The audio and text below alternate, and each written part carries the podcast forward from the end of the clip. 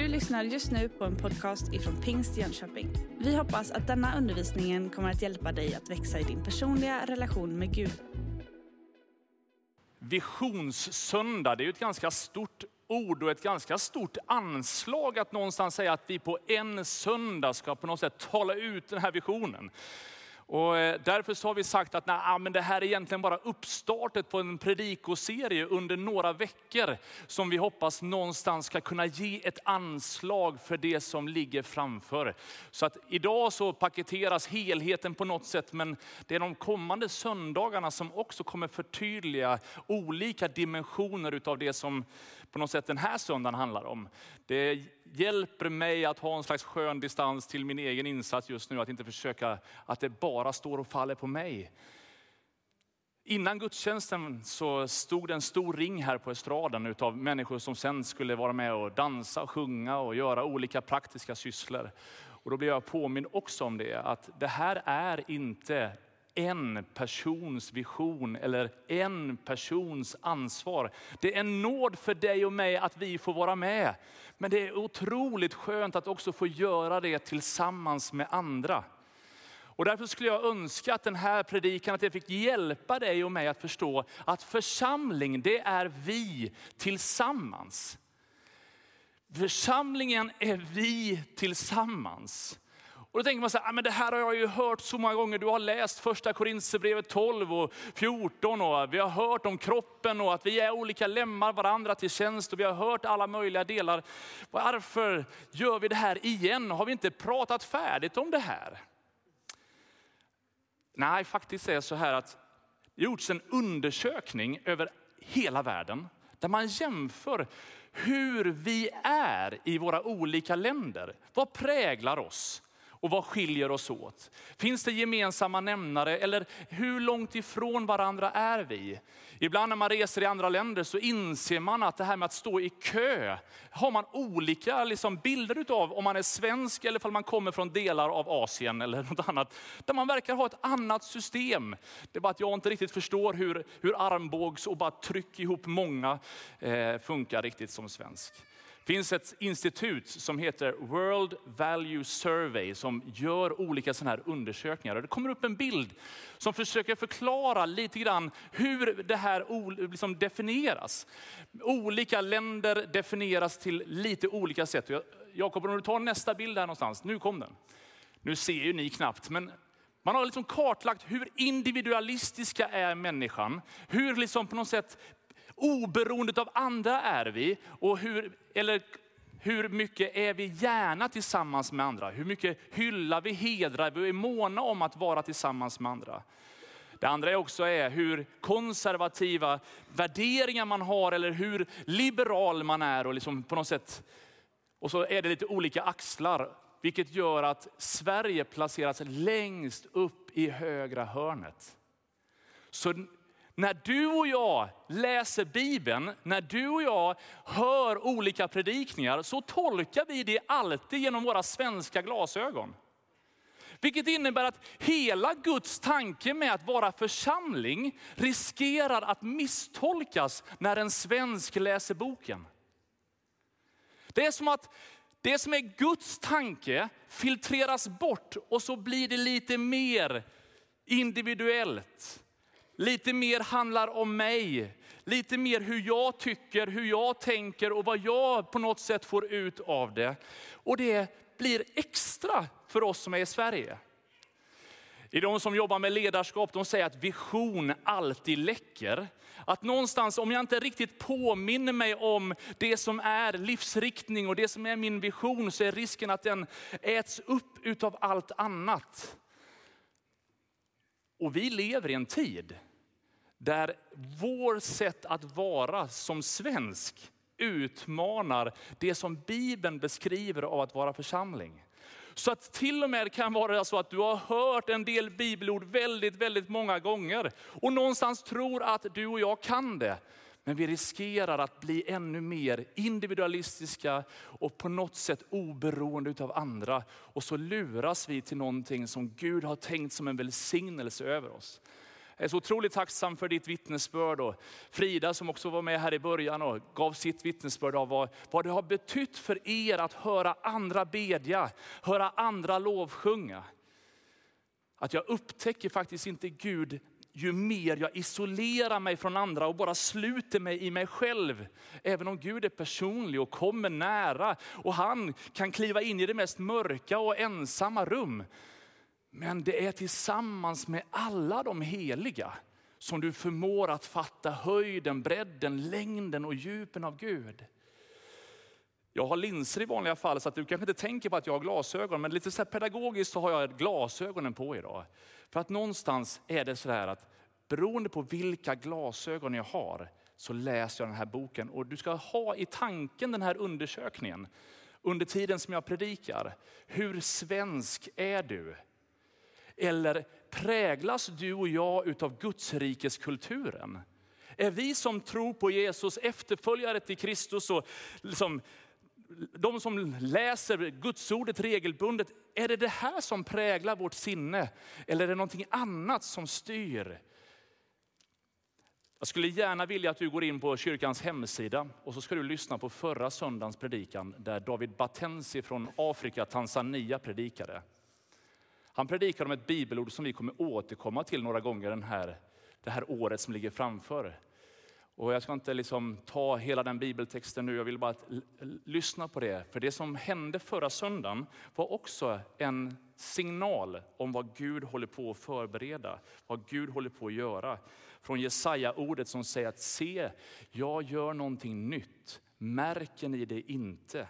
Och att någonstans låta det Gud gör inte komma i skymundan av allt det där andra som vill ta vår uppmärksamhet, som någonstans vill blockera och på något sätt hindra oss för att förstå att Gud verkar vara och färdig. Ja, ibland blir vi väldigt svenska i vårt sätt att läsa och förstå. Faktum är att Bibelns första bok, första Mosebok kapitel 2, beskriver skapelseberättelsens fortsättning. När Gud har skapat människan i denna perfekta tillvaro, så står det så här att Herren Gud sa, det är inte bra att mannen är ensam.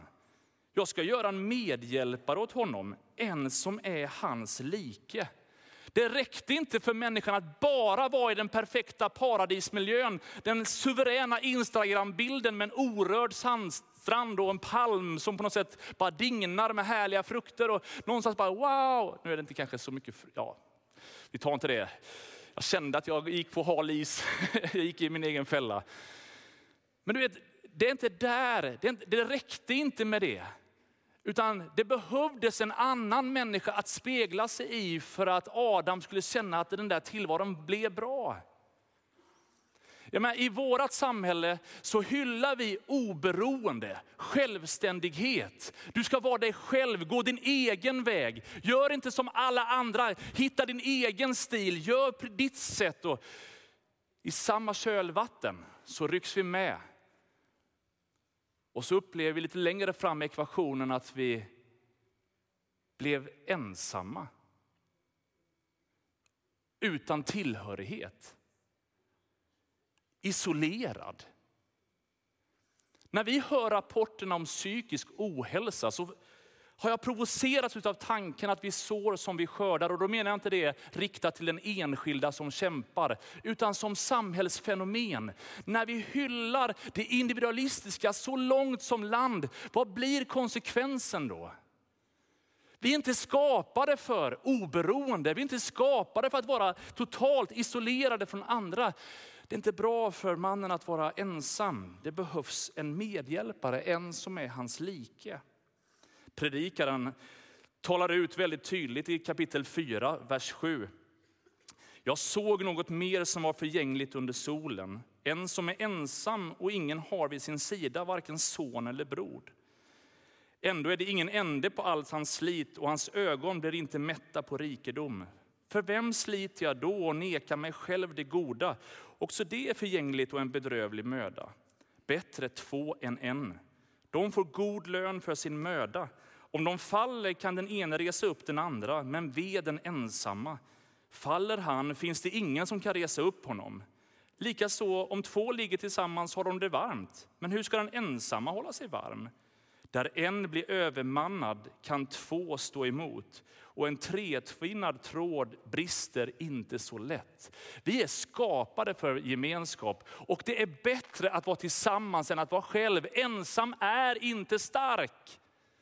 Utan det är när vi är tillsammans som vi upptäcker sann styrka och sann kraft. Och Det är därför som vi den här söndagen vill påminnas om att det här året som ligger framför, vi tror att Gud har någonting spännande för oss. Men det handlar inte om att du och jag bara ska förverkliga oss själva, utan i det som Gud vill förverkliga så är vi gemensamt delaktiga. Jag vet inte ifall du är en sån där som har nyårslöften som tänker att idag, jag lovar att bli en sundare och friskare människa under det här året. Och jag kan ha alla andra, alla möjliga ambitioner. Jag märker att det är lätt att det bara blir ett löfte. Men som jag aldrig, upp, liksom, aldrig håller. Men när jag börjar tala ut saker, när jag börjar komma överens om saker med andra, att kan vi hjälpas åt med det här?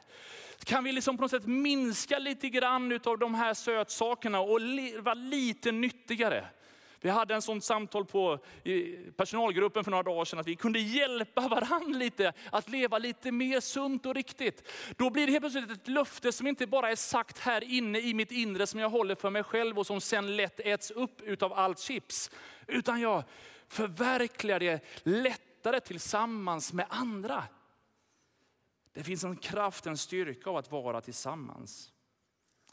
Guds församling är vi tillsammans.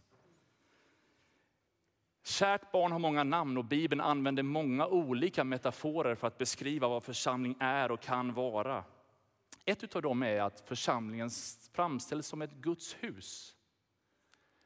Att vi är den plats som på något sätt får vara bärare av Guds närvaro.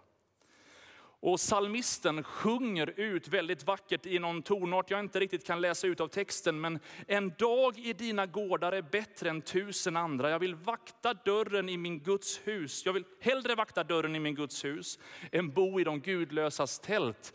Det finns en upptäckt som salmisten har gjort att det finns ingen bättre plats än att vara i Guds hus. Det finns inget bättre ställe att någonstans vara och leva och liksom längta till som i Guds hus. Av att komma tillsammans som församling. Och jag skulle önska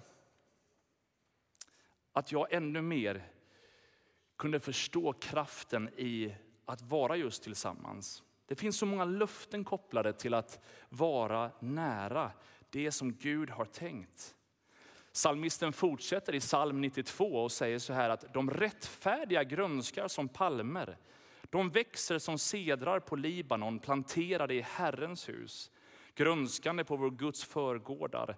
Även vid hög ålder bär de frukt, de frodas och grönskar. Det är en enorm skillnad på att besöka någonting och att vara planterad. Och om jag planterar mig i Guds hus, en gamla testamentet bild av att vara planterad i församlingen, så blir det ett rotsystem som växer. Och har du någon gång liksom tittat under jorden eller ryckt upp någonting som har sina rötter under jorden så förstår du hur många grenar det är som gör det möjligt för trädet att bära den frukt det bär.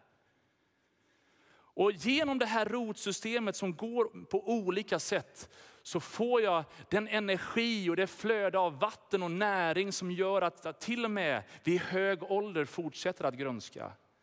Oavsett livssäsong så fortsätter mitt liv att grönska. Och kanske är det därför som vi ibland fråntas bilden av vad det är att vara församling. För Johannes evangeliet kapitel 10 säger att tjuven har kommit för att stjäla, slakta och förgöra. Han, djävulen, det onda vill ju absolut inte att någon ska finna livet med Kristus. Vill ju definitivt inte att någon ska få leva ett liv som är helt upprättat, förlåtet och befriat. Och därför så är det någon slags andlig dragningskamp som lätt gör att bilden av församlingen fråntas oss. För det finns en kraft, när jag är planterad i Guds hus så ska jag grönska. Vad är djävulens strategi? Jag rycker loss dig från den. Jag ser till så att du inte är planterad, utan någonstans så distanserar dig. Kan jag separera dig från den livsgivande gemenskapen så är det ett lättare byte. Och kanske är det därför som ibland kampen om att vara församling inte alltid är så enkel. Men det finns prioriteringar kring Guds hus som har en sån enorm välsignelse med sig. Jesus själv säger i sin bergspredikan i Matteus 6 att sök först Guds rike och hans rättfärdighet så ska ni få allt det andra också. Mattias hade i sitt kollekttal här nyss, där du sa att det viktigaste kan man, man kan ge är inte sina pengar utan sitt hjärta. Absolut. Vad är det som är våran hjärtas prioriteringar? Det intressanta sättet att någonstans analysera vad som är hjärtats prioritering, det är att se hur styrs din och min almanacka? Vad lägger vi vår tid på? Vad är det som vi prioriterar när vi liksom tittar och planerar? Men det är också faktiskt ganska intressant att se vad vårt kontoutdrag säger. Vad är det som vi med våra pengar investerar i? Vad är det som vi verkligen säger är i hjärtat viktigt för oss? De gamla testamentliga profeterna de utmanar Haggai och Malaki för att bara ge två exempel. Haggai säger så här i kapitel 1. Är det då tid för er själva att bo i panelklädda hus medan detta hus ligger i ruiner? Så säger nu Herren Sebaot, lägg märke till hur det går för er.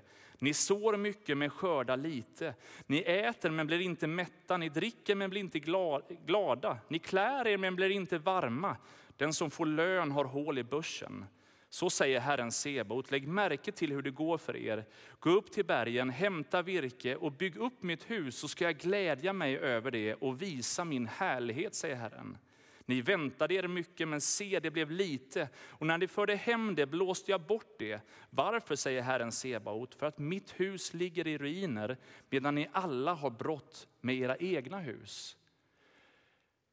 Profeten säger att du kan pröva Gud. Om du har rätt prioriteringar, om hjärtat är på rätt ställe, så kan du också få vara med och se hur Gud välsignar på ett sätt som överträffar vår egen förmåga. Malaki säger att om vi bär in fullt trionde i förrådshuset så att det alltid finns mat i Herrens hus, så ska han bara öppna himlens fönster för oss och ösa ut välsignelser över oss i fullt mått. Det verkar som att när det är angeläget för oss att församlingen, det vi är tillsammans, har en prioritering i vårt liv. Att när den prioriteringen kommer rätt, så verkar det finnas en favör på livets andra områden som kommer i klang. Än en gång tillbaka till undersökningen, så tänker inte vi svenskar. Vi tänker att jag kommer ofta till församlingen när det passar mig. Eller om det liksom är på mitt sätt så då gör jag det. Jesus han plockar fram en av de gamla testamentliga orden, också en Jesaja-text och säger att mitt hus ska vara ett bönens hus för alla folk. Andra krönikeboken säger så här. När trumpetblåsarna och sångarna samtidigt och samstämmigt stämde upp Herrens lov och pris. Och man lät trumpeter och symboler och andra instrument ljuda och började lova Herren för att han är god och för att hans nåd är evig. Då uppfylldes templet, Herrens hus, vår församling av ett moln så att prästerna för molnets skull inte kunde stå där och göra tjänst. Eftersom Herrens härlighet uppfyllde Guds hus. Är det någonting som jag längtar efter och som vi i pastorsteamet har bett om. Och nu den här fredagen, lördagen så vi samlade hela församlingsledningen och styrelsen till ett bönedygn där vi var tillsammans i fredags kväll och stora delar av gårdagen för att bara be tillsammans. Det är längtan att Herrens härlighet, Guds närvaro ska få prägla oss som församling. Här står det att de samtidigt och samstämmigt höjde Herrens lov. Jag ska be om lite hjälp så ska du få följa med till Örebro kommunala eh, musikskola. Så här låter det när Örebros kommunala musikskola ska försöka spela samstämmigt. Varsågoda så får vi se ifall de lyckas.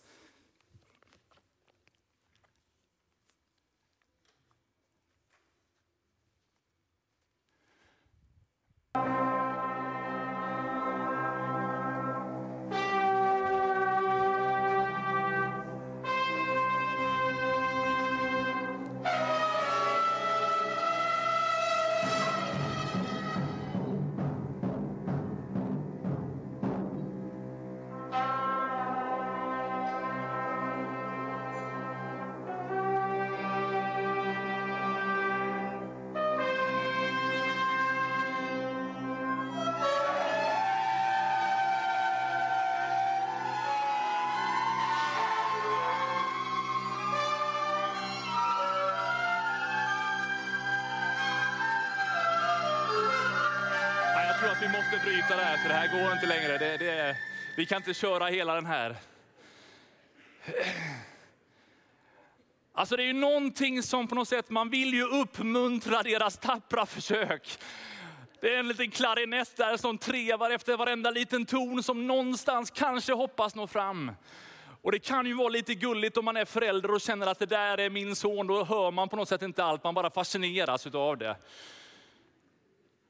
Det är någonting som blir så obehagligt att man ryggar ifrån när det inte är samstämmigt.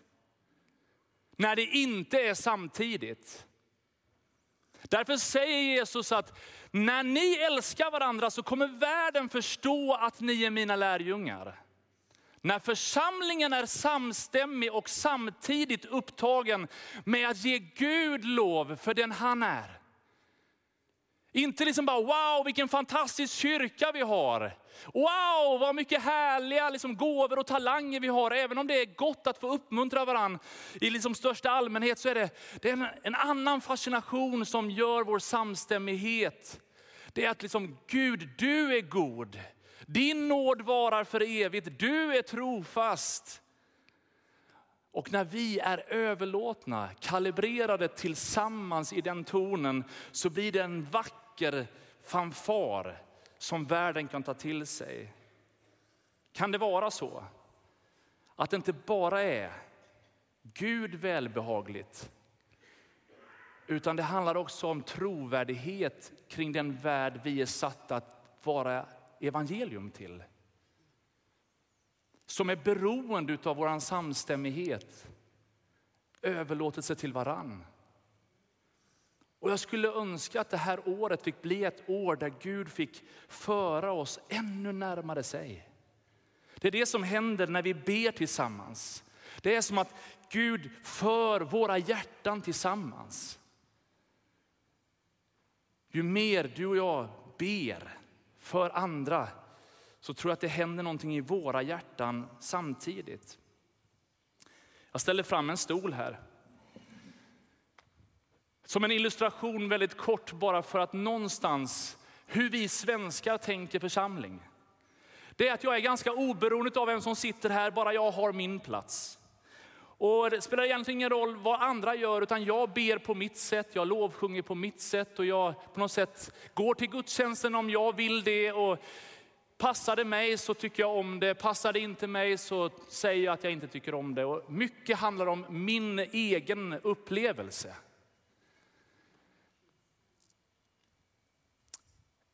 Har varit så här fram och tillbaka för jag ska vara lite personligare en stund. Jag ska ta mig friheten, jag är ju ändå föreståndare så jag får chansa lite. I höstas så var jag på en missionsresa till Etiopien. Fantastisk resa, där mycket av det som vi har drömt om hände. Sista kvällen på konferensen så säger de åt oss att nu börjar det bli lite dramatik här. Det är oroligt. Det är inte säkert att vi riktigt kommer härifrån i tid, så vi måste planera på ett särskilt sätt. Och för att göra en lång historia kort så hamnar vi i mitten av ett upplopp. Vi sitter på hotellområdets restaurang och så säger vakterna till oss, spring in, göm er i restaurangen och så låser de grindarna. Grindarna är ungefär så långt bort som dopkraven är från mig där jag sitter på restaurangen. Det är inte speciellt långt bort. När helt plötsligt grindarna är stängda så kommer en folkhop av flera hundra människor som med påkar i händerna försöker tränga sig in på hotellområdet.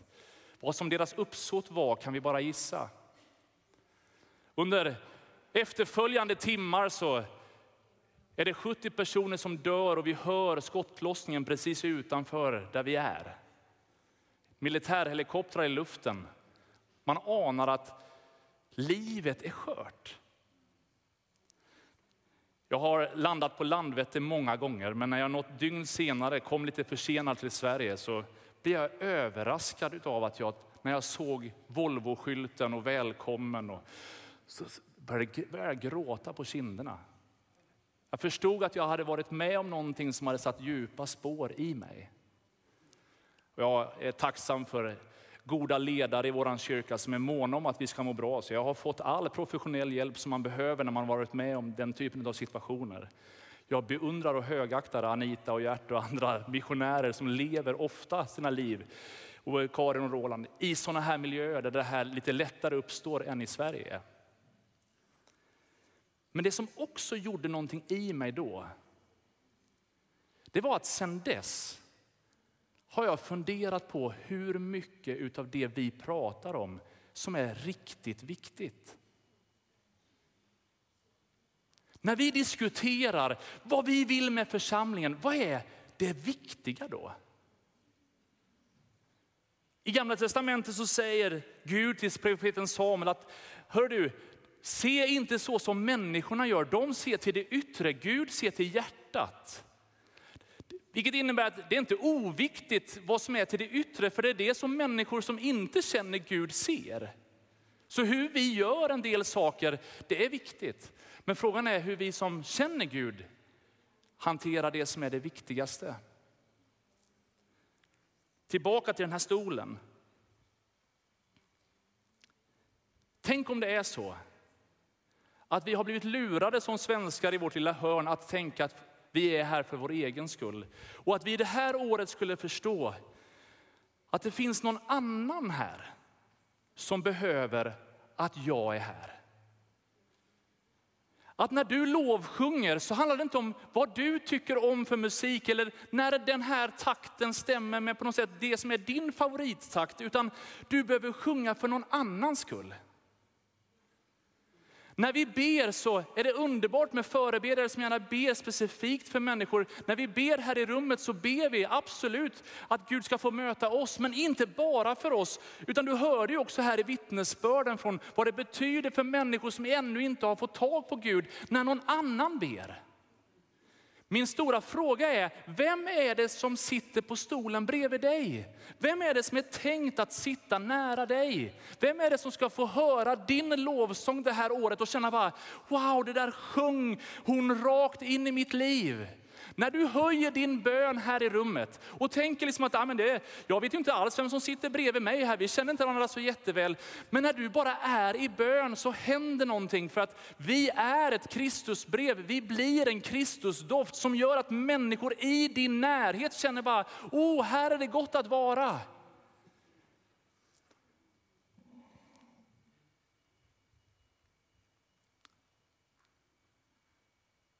Och jag tänker inte bara på alfakursen att du behöver bjuda med dig någon. Men tänk om det är så att du nästa söndag på morgonen inte bara säger till Gud, Gud nu ska jag gå till Guds hus, nu ska jag träffa församlingen, för nu vill jag ha någonting. Utan att du på vägen hit bara ber i ditt inre, Gud, tack för att du vill möta mig idag. Men låt mig också få lov sjunga för någon annans skull. Gud, låt mig få möta dig i bönen, men Gud, låt också min bön få vara någonting för någon annan. När du planerar det här årets olika aktiviteter i ditt liv så handlar det inte bara om liksom, hur ska du få plats med dina saker, utan bara, Gud, hur kan det som jag har fått ge plats till någon mer? Avslöja det svenska individualistiska för du förlorar någonting. Och det är någon annan som går miste om någonting. Men tänk om vi tillsammans kan få uttrycka detta. Är vi Örebros kommunala musikskola? Gud välsigne dem, de gör säkert ett jättebra jobb. Men du fattar vad jag menar i metaforen just nu.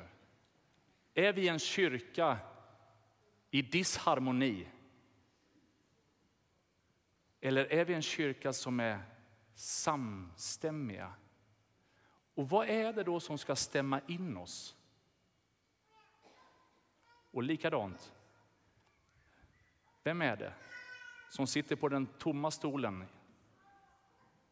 när du kommer till kyrkan?